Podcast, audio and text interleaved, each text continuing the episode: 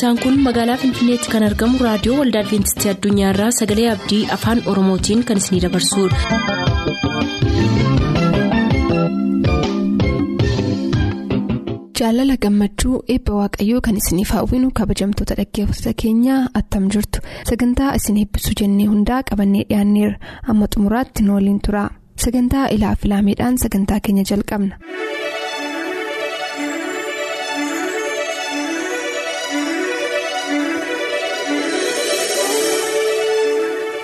Ilaaf ilaamee.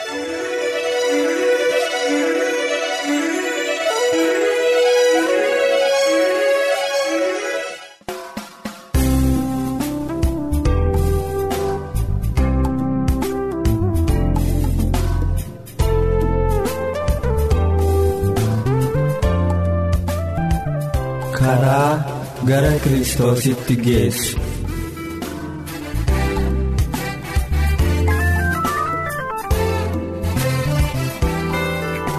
Karaa gara kiristoositti geessu.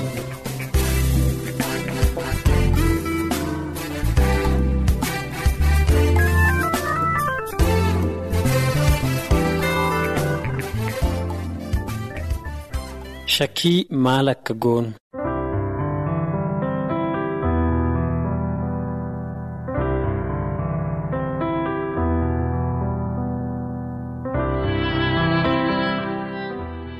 Kan Waaqayyoo warra isa hubachuudhaaf barbaadaniif salphisee akka isaan hubatan godhu waan ciccimaa yookiis kan hubatamuu hin dandeenye baay'eetu jira.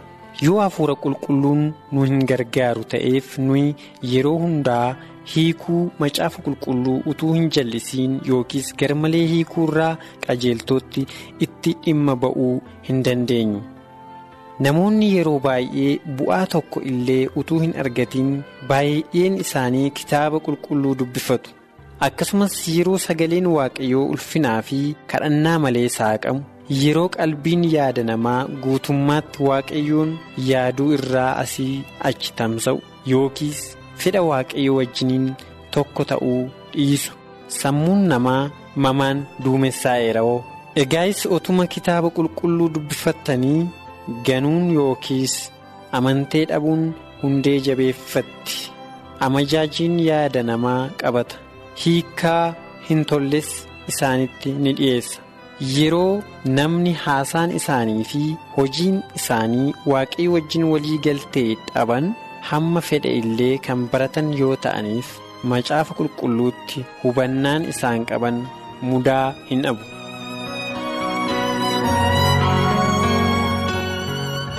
Hiikaa yaada mataa isaanii qofa amanachuun sodaachisaadha.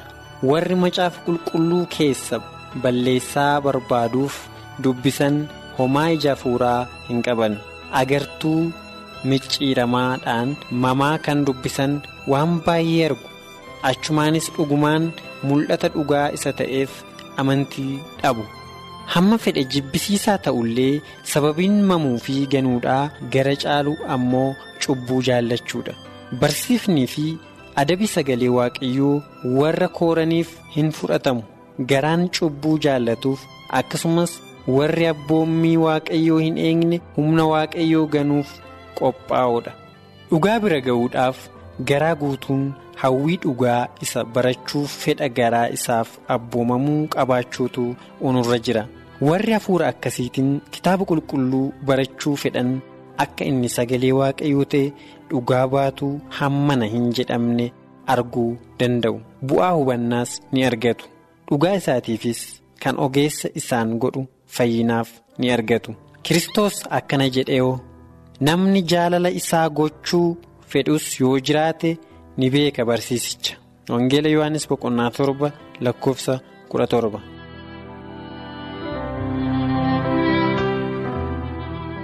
Ijaa isa hubachuu hin dandeenye gaafachuu fi ittiin mormuu ifa isa si irratti ife jirutti xiyyeeffadhu. Atis ifa isa caalaa ni argatta.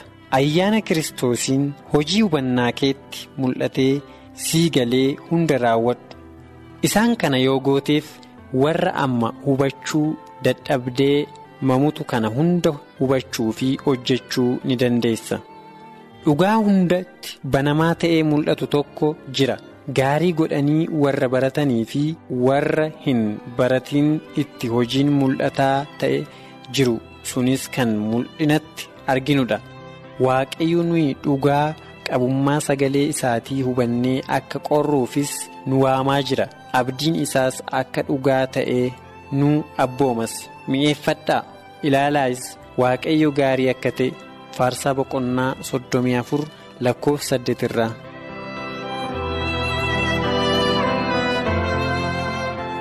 sagalee warra kaanitti quufuu irraa ofii keenya mi'eeffannee ilaaluutu nurra jira. Innis akkana jedha. Karadhaa ni argattu. Wangeela yohannis boqonnaa kudha jaha lakkoofsa 24 abdiin isaa ni raawwata. Tasuma abdiin waaqayyoo kufee hin beeku. Kufuus hin danda'u. Yesus itti butannee guutummaa jaalala isaattis yeroo gamman duumessi mama keenya ifa yesus isa nu bira jiraatuun nurraa godaanu. Phaawulos qulqulluun waa'ee waaqayyoo akkana dubbata waaqayyoo gooftummaa dukkanaa keessaas kan nu baase gara isa jaallatamaa mootummaa ilma isaatti kan nu geessudha oo qolaasaayis boqonnaa tokko lakkoofsa kudha sadii. Egaa tokkoon tokkoon namaa kan du'a keessaa gara jireenyaatti darbe inni waaqayyo dhugaa qabeessa akka ta'e chaappaa godhateera. Wangeela Yohaannis boqonnaa sadii lakkoofsa soddomii sadii. Innis dhugaa ba'uu ni danda'a akkana jedhee gargaarsa barbaadeen ture. Yesus biraas nan argadhe. Fedha koo hundumaas anaaf kenne. Beela lubbuu kootii na quubse. Amma egaa kitaabni qulqulluun anaaf mul'ata yesus kristos maaliif akka ani yesusitti amanu hin gaafattuu? Sababiin isaas inni anaaf waaqa fayyisaa kooti. Maaliifan kitaaba qulqulluutti amanaa? Sababiin isaa kitaaba qulqulluu keessaanan sagalee waaqayyoo isa lubbuu kootti dubbatu argadha of keessaa dhugaa qabna. Kitaabni qulqulluun akka dhugaa ta'e. Kiristoos akka ilma waaqayyoo ta'e. Akka waan goomsaa tolchituu ta'ee duukaa hin buunes ni beekna. Phexros obboloota isaanii jajjabeessa. Akkana jedha. Ayyaanatti guddadhaa malee beekuma gooftaa keenyaa yesus kiristoositti hin dadhabiinaa. Phexros isa lammaffaa boqonnaa sadii lakkoofsa kudha saddeet irraa.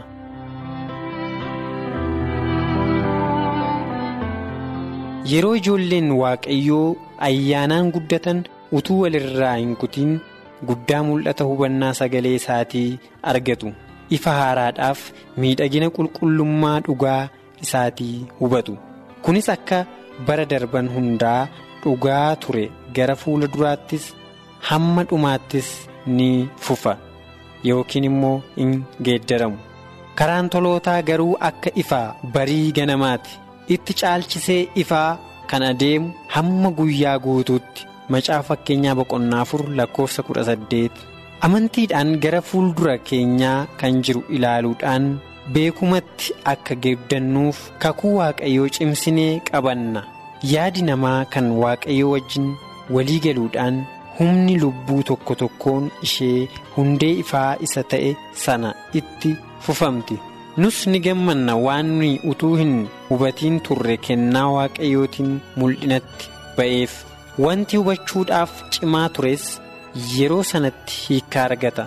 Iddoo yaadni sammuun keenya inni foonii joonja'ummaaf kaayyoo caccabaa argaa ture sun ammoo isa dhugaa guutuu ta'ee fi miidhagina walii galtee mudaa tokko illee kan hin qabne sana arga.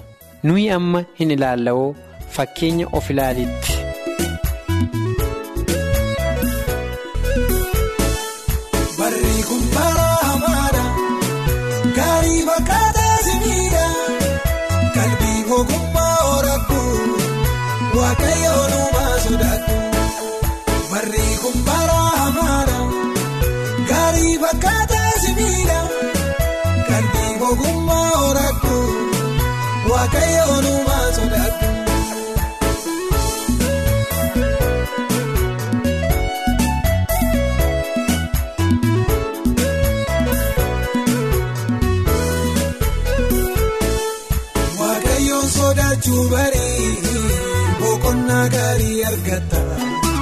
Waan dhufee bor darbuu jettee qofaa kee maaliin rakkatta baay'een dhufaanii darbanii seenaa isaanii kan nageenye qabeenyiif jabeenyi isaanii isaan hambisuu hin dandeenye barri kun bara hamaadha gaarii fakkaataa simiidha qalbii ogummaa horadhu waaqayyoon uumaa sodaadhu barri kun bara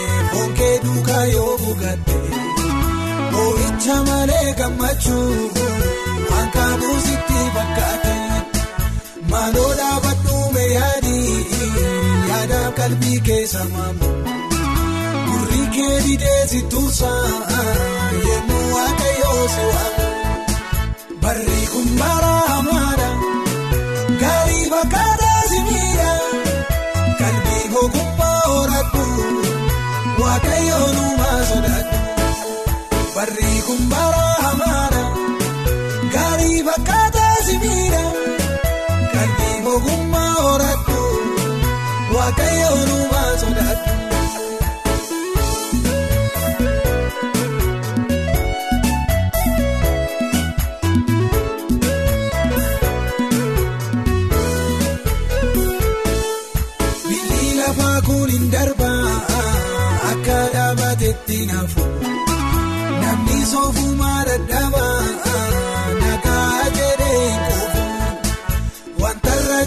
Mul'atu yeroo isaa eegee jijjiga. Waaqayyootti kooluun galtu harka bal'isee si eega. Barri kun bara hamaadha gaarii fakkaataa si miidha. Kalbii ogummaa horadhu waaqayyoon uumaa sodaadhu barri kun bara hamaadha gaarii fakkaataa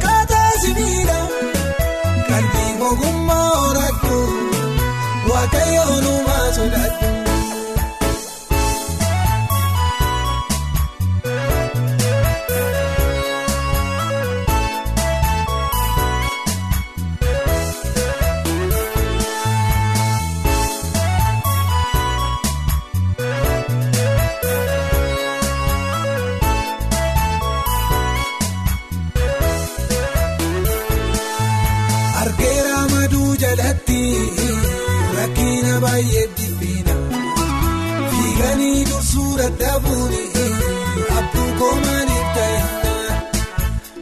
Darbuudha baay'ee jarjara biyyi lafaa guurin turu yeerichi jalaa ga'eera boonoo ammayyoon jiru barri kun bara hamaadha gaarii fakkaataa simiidha.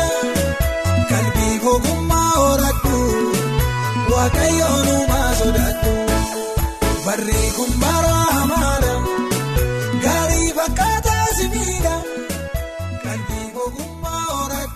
Kan turtanii raadiyoo keessan banattaniif kun raadiyoo waldaa Adibeentistii Addunyaadha. Sagalee Abdii.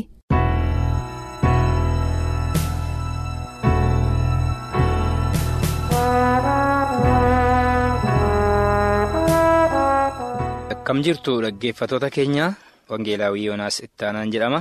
Yeroo kana sagalee Waaqayyoo walii wajjin ilaaluudhaaf mee mata duree yeroo kana walii wajjin ilaallu akka baranoyi in ta'a kan jedhu irratti waliin ilaalla. Meetu gara Wangeela dubbisuutti hin darbin Waaqayyoon kadhanna. Galata siif dhiyeessina abbaa keenya gaarummaa kee farjummaa kee faraara kee hundumaaf maqaan kee galateeffamu yeroo kana si kadhanna. Cubbuu keenya hundumaa nuuf dhiisi dubbii kee ifa samaayitiin keessa garaa keenyaatti ibsi keessa garaa dhaggeeffatoota keenyaatti ibsi jireenya bara baraatiif ittiin qopheessi maqaa gooftaa keenya yesuusiin ameen. Akka baranoyi hin ta'a kan jedhu jecha gooftaa keenyaa yesus kiristoosidha innis maalirratti hundaa'ee kana jedhe mee maatiyoos boqonnaa 24ffaa lakkoobsa sadii fi lakkoobsa 36 37 38 amma 39tti ilaalla. Akkana jedha lakkoobsa sadaffaarraati innis gaara ejersaa gubbaa taa'ee utuu jiruu bartoonni isaa qophaa isaanii gara isaa dhaqanii jedhaniisi nutti himi kun yoom ta'aa milikkini dhufa keetis maalii? Kan dhuma biyya lafaa kanaas gaaffii bartootaati. Maal jedhan qophaatti baasanii gaara ejersaa gubbaatti yommuu inni taa'u qophaa isaanii dhaqanii mee wantoota jettu kun milikkini dhufa keetii fi kan dhuma biyya lafaa kanaa maal inni nutti himi? ittiin jedhanii gaafatan. Sana duwwaa miti. Waa'ee dhufaatii isaatii itti fufanii gaafatan. Ammas isa kana gidduu jiru dubbisaa. Akkas jedhe lakkoofsa soddomii ja'affaarraa guyyaa sana garuu sa'a sanas homti nuun beeku. Ergamoonni waaqaallee tokkicha abbaa koo malee jedhe. Guyyaa isaa guyyaa dhufaatii isaatii addaan baasee yeroo akkasiiti kan jedhu namni tokkoyyuu hin beeku tokkicha abbaa koo malee jedhee dubbate.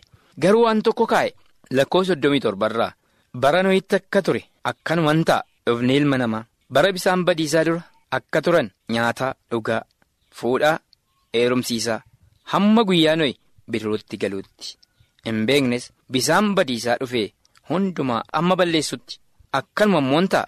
Dhufni ilma namaa. Yommus lama diidan turu. Tokkoon fudhatu isa kaanis in dhiisuu jedhe. Iddoo kanatti maal argina? Akka bara nohii ta'a. Maali milikkini dhufa keetii? Maal kan dhuma biyya lafaa kanaa nutti himi jedhaniinnaan guyyaa dhufaatii kooti homti nuun beeku jedhe.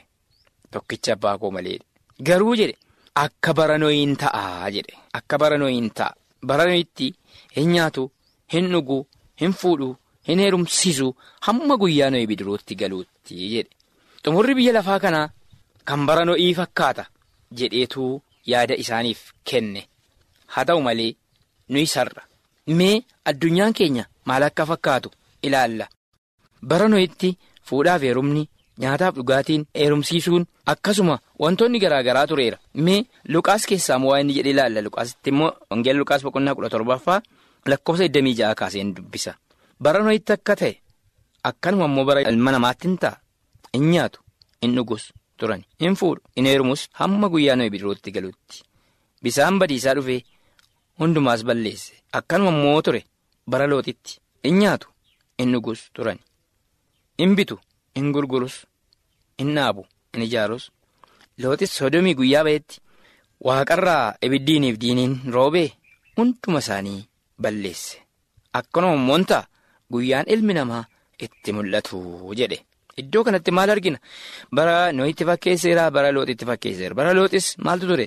Hin nyaatu hin dhuguu hin fuudhuu hin heerumuu hin bituu hin gurguruu hin dhaabu hin ijaaru jedhee gooftaan keenya dubbate. Mi'a ta'u wantoota bara nohitti ta'an akkaataatti bara nohitti ture.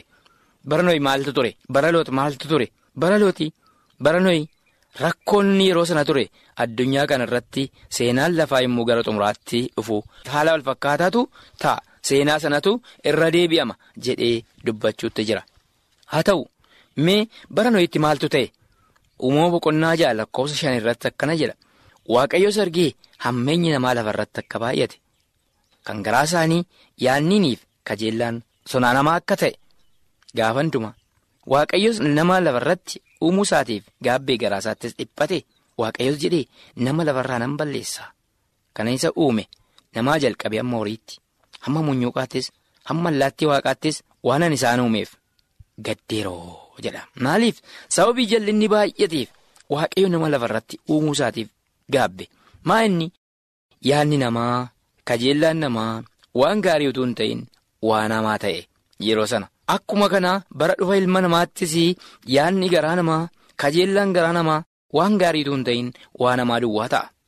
jechuun cubbuu hojjechuu duwwaa waaqayyoof abboomamuu diduu akkasuma wal jaallachuun dhibuu fi rakkoon garaa garaa uumamuu ta'a ture. Akkuma kana seenaan bara nohi akka inni irra deebi'amu dhufaatii ilma namaa jala. Mee ammas isuma boqonnaa torbaffaa uumama boqonnaa torbaa lakkoofsa ja'a kaanee xiqqoo dubbifne ilaalla. Akkana jedha nohis ilma waggaa dhibbaa ta'a ture nohis bidiruutti galee ilmaansaas niitiinsaas niitonni ilmaansaatiis. isaa wajjin bisaan badiisaatiif bineensi qullaa keessaas bineensa qulqullaa'in keessaayis allaattii waaqaa keessaayis lafarra kan munyuuqan hundumaa keessaayis isaa wajjin galani jedheeto haasa'a. Sababii sanyii lafarraa balleessuu hin barbaanneef waaqayyo nooyin bidiruu ijaarradhu ittiin jedhe bidiruu ijaarradhu. Bidiruu yommuu ijaartu immoo lallabi isaanis dhaga'ani.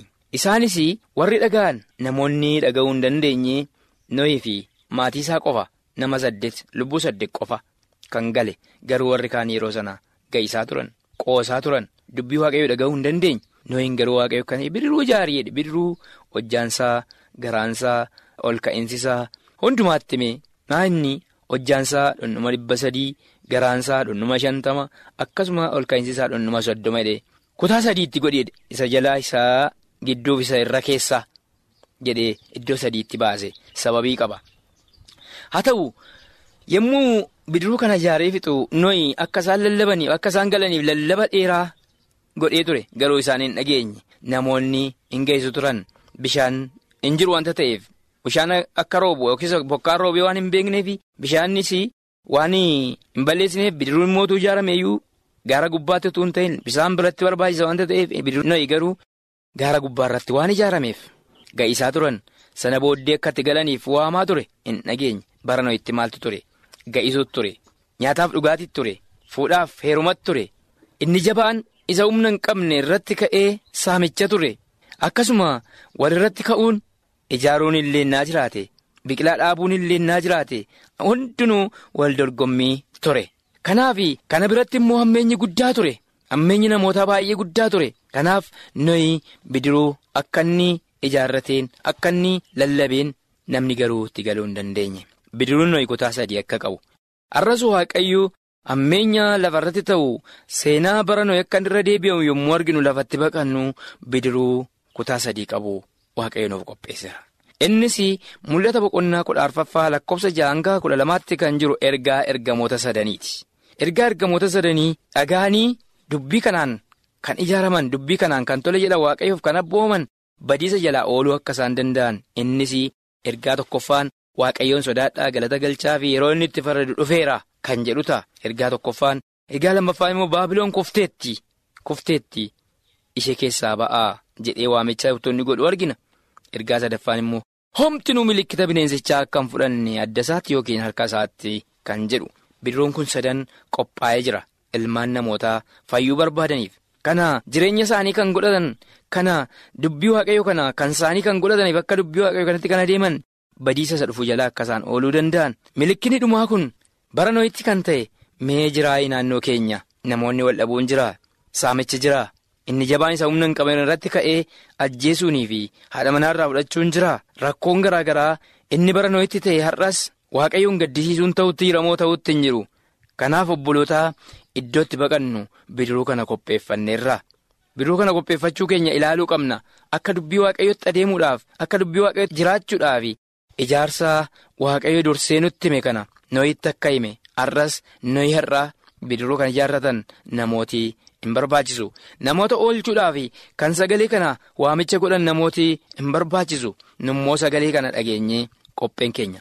Maal akka fakkaatu ilaaluun nu barbaachisa. Maaliifi. Waaqayyoo waan tokko hin godhu garbasaa raajotatti himin kan jedhu raajisaa keessatti yookiis macaafa qulqulluu keessatti dubbateera. Kanaaf eeggannaan keenya gooftaa keenya yesus kiristoosiin yommuu ta'u yoo dhufe eessa akka dhaabannu? Yoo dhufe eessatti akka gorru mirga moo bita kan jedhu garee cubbamootaa moo garee hamootaa keessa gorra garee bidiruu keessa jiran moo garee akka baranuu alatti hafanii bidiruutti cabsanii galuudhaaf yaalii godhan illee jiru wanta ta'eef garee isaanii gorra. Ilaaluu qabna haala keenya keessatti seenaan yeroo xumuraa kun. Kana waan ta'eef kanaaf Ximootiyoos lammaffaa boqonnaa lama lakkoo torba irratti akkana jedha. Dubbii koo hubadhu waaqayyos ogummaa siif haa laatu hundumaattuu jedha kanaaf dubbii waaqayyo kana hubachuu akka dandeenyuuf waaqayyo ogummaasaa hunduma keenyaaf haa kennu. Dubbii dhageenya nuuf eebbisu maqaa isaatiin. Ameen. Sagantaa macaafni qulqulluu maal jedhaa qabannee dhiyaan kanarraaf jennee asumaan xumur. Yaada sagantaa keenya irratti qabdan raadiyoo waldaa adventistii addunyaa lakkoofsa saanduqa poostaa 455 finfinnee jedhaan nuuf barreessa. Raadiyoo waldaa adventistii addunyaa lakkoofsa saanduqa poostaa 455 finfinnee.